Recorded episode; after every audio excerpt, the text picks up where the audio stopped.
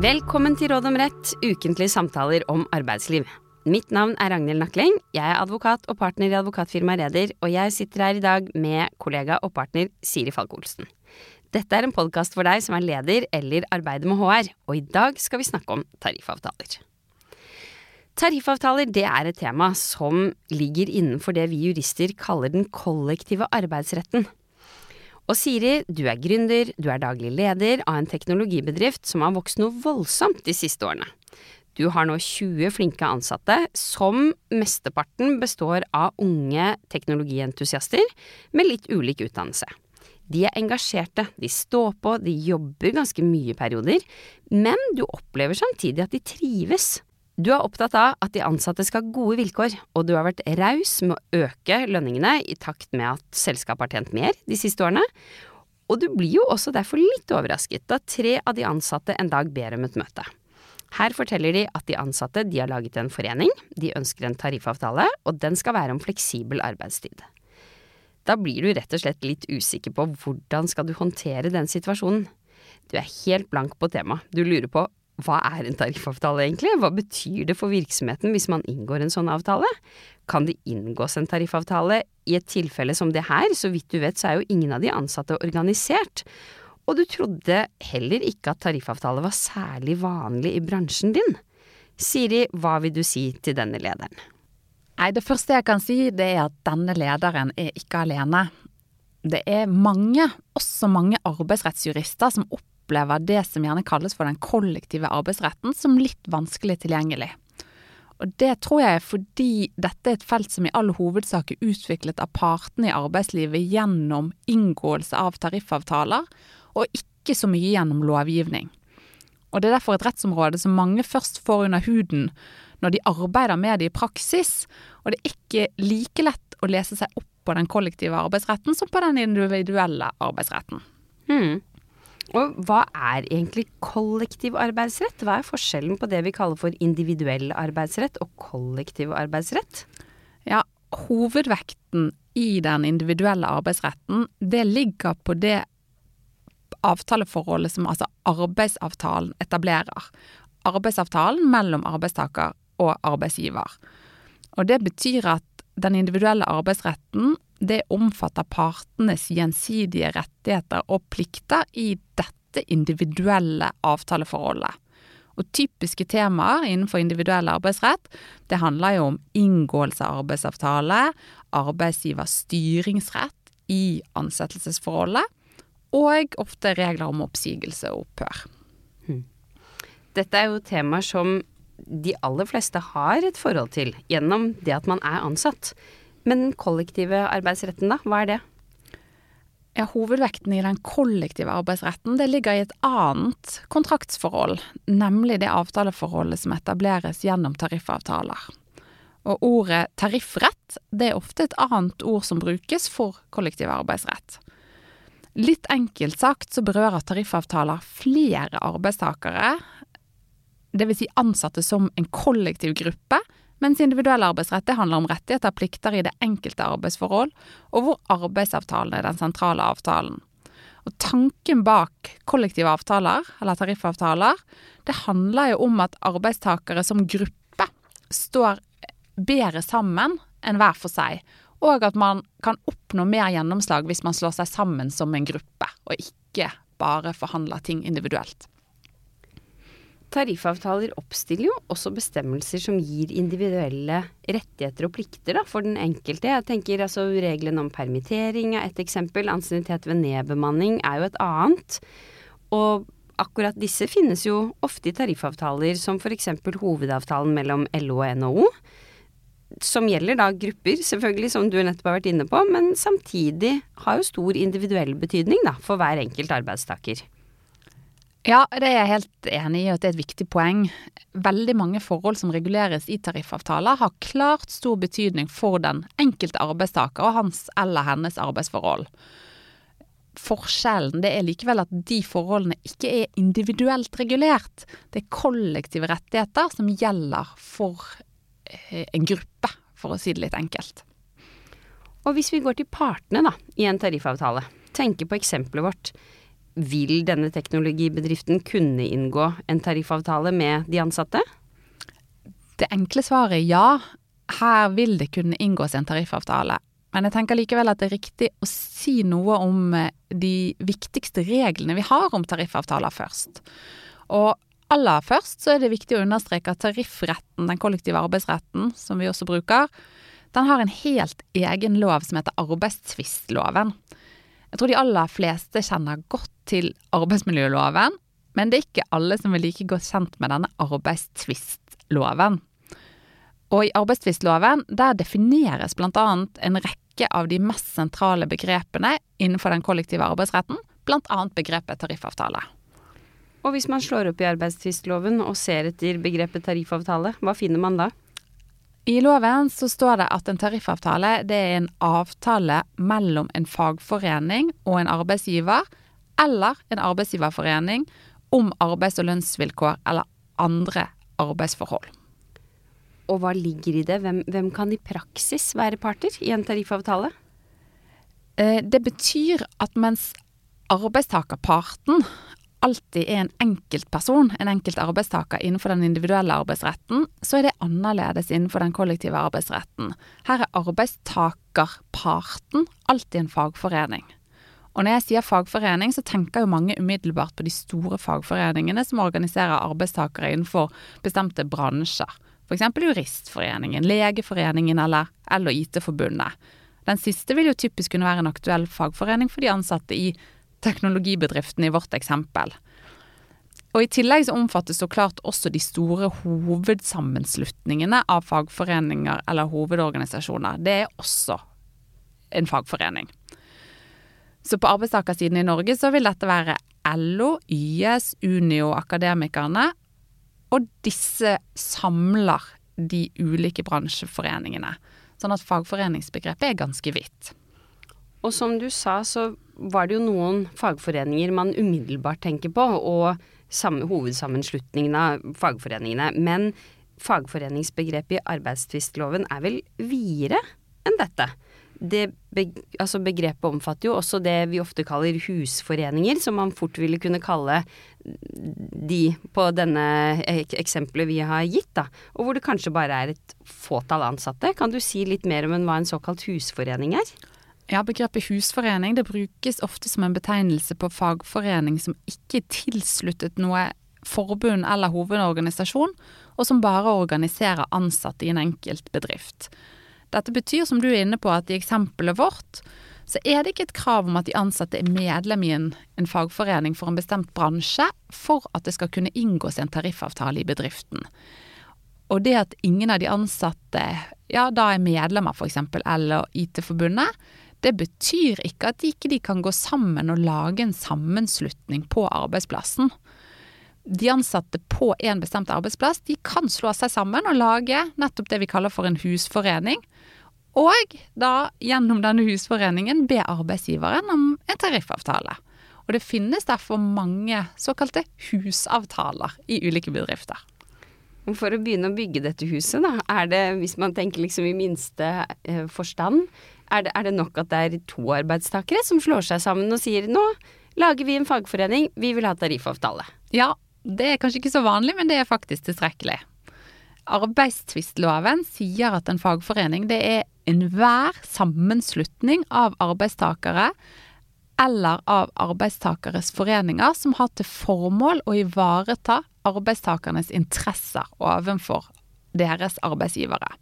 Så det er ikke et krav til hvordan organiseringen skjer, det er ikke krav til vedtekter, det er ikke krav til bestemte vilkår for medlemskap eller andre ting, som, som man har i f.eks. en del andre land. Opprettelsen av for, foreningen kan skje ganske så uformelt. Det sentrale det er at fagforeningen er en uavhengig forening av arbeidsgiveren. Det er de ansatte som må slå seg sammen og danne sammenslutningen. Og formålet det må være å fronte de ansattes interesser ovenfor arbeidsgiver. For at det skal være snakk om en fagforening. Men det er ikke nok med én. Jeg kan ikke lage min egen fagforening helt alene. Nei, da, da vil man ikke oppfylle vilkårene i arbeidstvistloven for å være en fagforening. Nettopp. Arbeidsgiversiden, da. Hvem er det som kan være part i en tariffavtale på arbeidsgiversiden? Det er litt enklere. Det er sjelden tvil om dette vilkåret er oppfylt. Noen ganger kan man måtte vurdere er det snakk om en fagforening, men på arbeidsgiversiden så er det litt enklere. I arbeidstvistloven så står det at avtalen må være inngått enten med den enkelte arbeidsgiver eller med en arbeidsgiverforening. Og også på arbeidsgiversiden så har man bransjeorganisasjoner for arbeidsgivere i ulike bransjer. F.eks. Byggenæringens landsforening for bedrifter i byggenæringen, Norsk Industri for industribedrifter eller Rederiforbundet. Eh, og arbeidsgiverforeningsbegrepet det omfatter igjen også de store hovedsammenslutningene eller hovedorganisasjonene på arbeidsgiversiden. Som man kjenner godt, NHO, Virke og Finans Norge. Og så har man KS og Spekter i offentlig sektor. Nettopp. Og hvis jeg skal prøve meg på en oppsummering for eksempelet vårt, da, så er det sånn at de ansatte i denne teknologibedriften, de kan gå sammen på arbeidsplassen, de kan lage en husforening, de kan be om en tariffavtale med arbeidsgiver. Det er ikke noe krav om at de må være organisert i de store fagforbundene, eller at arbeidsgiver må være medlem av en arbeidsgiverorganisasjon for at man skal kunne inngå en tariffavtale. Stemmer det? Det er helt riktig oppsummert. Og så hvis vi da går over til hvordan en tariffavtale kan eller skal se ut, da. For denne lederen han skal jo kanskje fremforhandle en tariffavtale med de ansatte i virksomheten. Hva skal være med? Hva, hva man passer på? Det følger av arbeidstvistloven at en tariffavtale skal opprettes skriftlig, sånn at en muntlig avtale er ikke tilstrekkelig. Og videre står det i loven at tariffavtalen bør inneholde bestemmelser om når avtalen trer i kraft, hvor lenge avtalen skal vare, og oppsigelsesfrist. Det er likevel det vi kaller en bør-bestemmelse. Det er altså ikke en, en gyldighetsregel. Tariffavtalen er fortsatt gyldig, selv om disse tingene ikke er tatt med i avtalen. Men eh, hva hvis man har glemt å skrive noe om det, og så er den fortsatt gyldig? Men, men hva gjelder, da? Hvis det ikke står noe om varighet, så bestemmer arbeidstvistloven at da gjelder avtalen i tre år fra den dagen den ble underskrevet. Og hvis det ikke står noe om oppsigelsesfrist, ja, da bestemmer arbeidstvistloven at tariffavtalen må sies opp senest tre måneder før den utløper. Så hvis ikke avtalen sies opp innen den fristen som er satt, så forlenges den med ett år. Så det er derfor viktig at store arbeidsgivere som har mange ulike tariffavtaler i virksomheten, ofte da mange ulike lokale avtaler, passer på disse oppsigelsesfristene. Og så er vi kommet til innholdet. Hva, hva kan en tariffavtale gjelde? Ja, som jeg var inne på, for at en avtale skal være en tariffavtale, så må den gjelde de ansattes lønns- og arbeidsforhold. Også dette er et vilkår som tolkes vidt. Det skal lite til for at avtalen innholdsmessig oppfyller dette kravet til å være en tariffavtale. Så en avtale om fleksitidsordning, fleksibel arbeidstid, som de ansatte i vårt eksempel ønsker, vil derfor kunne være en tariffavtale. Og så videre er det et viktig krav om at en avtale eller en tariffavtale må gjelde for en ubestemt krets av personer. Ubestemt krets av personer, og der er det jo en definisjon som også man gjerne kan få forklart litt nærmere. Ja, altså en avtale som kun gjelder bestemt angitte arbeidsforhold, dvs. Si bestemte personer, det vil ikke være en tariffavtale. Så hvis lederen i eksempel over finner ut at det er riktig å inngå en avtale om fleksibel arbeidstid med tre av de ansatte i virksomheten, Per, Pål og Espen, som har særlig behov for fleksibel arbeidstid, ja, så vil ikke det være en tariffavtale. Men hvis det derimot inngås en avtale med denne foreningen om at de ansatte, eller kanskje visse grupper av ansatte, skal ha fleksibel arbeidstid, f.eks. småbarnsforeldre, ja, da vil det være en tariffavtale. Og det er fordi at avtalen da gir rettigheter til en ubestemt krets personer. I dette tilfellet de ansatte, da, eller småbarnsforeldre, hvis man mm. avgrenser til de. Mm. Så kan man jo tenke seg at det oppstår uenighet også om forståelsen av en tariffavtale. Hvordan skal en bestemt bestemmelse tolkes? Hvem er det som avgjør den type uenigheter? Ja, det er sånn at vi i Norge har en spesialdomstol arbeidsretten som har eksklusiv kompetanse til å vurdere tvister om tolkning av tariffavtaler. Og denne typen tvister kan med andre ord ikke bringes inn for de vanlige domstolene. Arbeidsretten det er en domstol som holder til i Oslo, og det er syv ekspertdommere som avgjør den enkelte saken.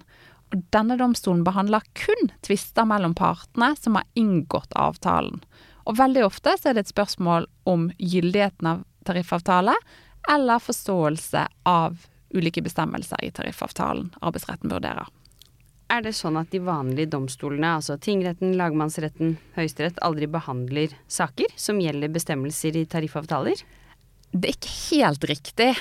For hvis partene som har inngått tariffavtalen er uenige om hvordan en tariffavtale skal forstås, ja, så er det riktig at det kun er arbeidsretten som kan avgjøre den tvisten. Så hvis f.eks. LO og NHO er uenige om rekkevidden av ulike bestemmelser i hovedavtalen, ja, da er det kun arbeidsretten som kan avgjøre den uenigheten mellom organisasjonene.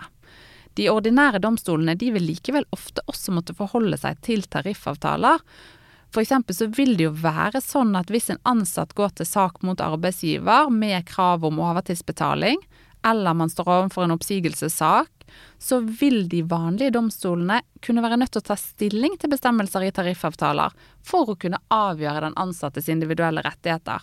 Og et ganske kjent eksempel, det er den såkalte Skanska-saken, som gikk helt til Høyesterett den tror jeg i hvert fall noen av lytterne våre kanskje kjenner til, for det var jo en ganske viktig avgjørelse på arbeidsrettens område. Litt kort, Siri, hva, hva gjaldt saken? Hvorfor snakker vi om den i dag? Hvorfor har den en side til tariffavtaler? Jo, det var en sak som gjaldt en tvist om oppsigelse i forbindelse med nedbemanning av eh, flere fagarbeidere i dette entreprenørselskapet Skanska. Det er derfor vi snakker om det som Skanska-saken. Og ved vurderingen av om oppsigelsene var saklig begrunnet, så måtte Høyesterett ta stilling til om Skanska som arbeidsgiver hadde forholdt seg riktig til sine tariffavtalte forpliktelser når det gjaldt det å ta hensyn til ansiennitet ved utvelgelse av hvem som var overtallige. Og i denne saken så var ansiennitetsprinsippet det var nedfelt i hovedavtalen mellom NHO og LO, og Høyesterett måtte derfor vurdere rekkevidden av denne bestemmelsen, selv om det var en bestemmelse i en tariffavtale. Og de måtte ta stilling til det for å kunne ta stilling til om de individuelle oppsigelsene var gyldige. Så igjen tilbake til det jeg sa i sted, hadde det derimot vært en tvist mellom LO og NHO om forståelsen av dette ansiennitetsprinsippet i hovedavtalen, da kunne det bare vært arbeidsretten som kunne vurdert dette spørsmålet. Og det måtte vært LO eller NHO som hadde tatt dette spørsmålet inn for arbeidsretten, ikke den enkelte arbeidstaker. Nettopp. Den viktigste konsekvensen da, av at det inngås en tariffavtale, hva er det? Ja, dette kunne man snakket mye om, men litt enkelt sagt at tariffavtalen må følges. Det fremstår kanskje selvsagt, men i arbeidstvistloven så er det inntatt en egen bestemmelse som kalles for ufravikelighetsprinsippet. Og det innebærer at det ikke er lov å inngå arbeidsavtaler som strider mot prinsippene i en tariffavtale. Du kan ikke avtale deg bort fra de forpliktelsene man har etter tariffavtalen. Og videre så er det viktig at en underordnet tariffavtale den må ligge innenfor rammen av en overordnet tariffavtale. Så når det inngås lokale særavtaler i en virksomhet, er det viktig at man passer på at de bestemmelsene man avtaler med de tillitsvalgte eller fagforeningene, ikke strider mot overordnede tariffavtaler. Typisk da overenskomster og hovedavtale på topp, som virksomheten også kan være bundet av.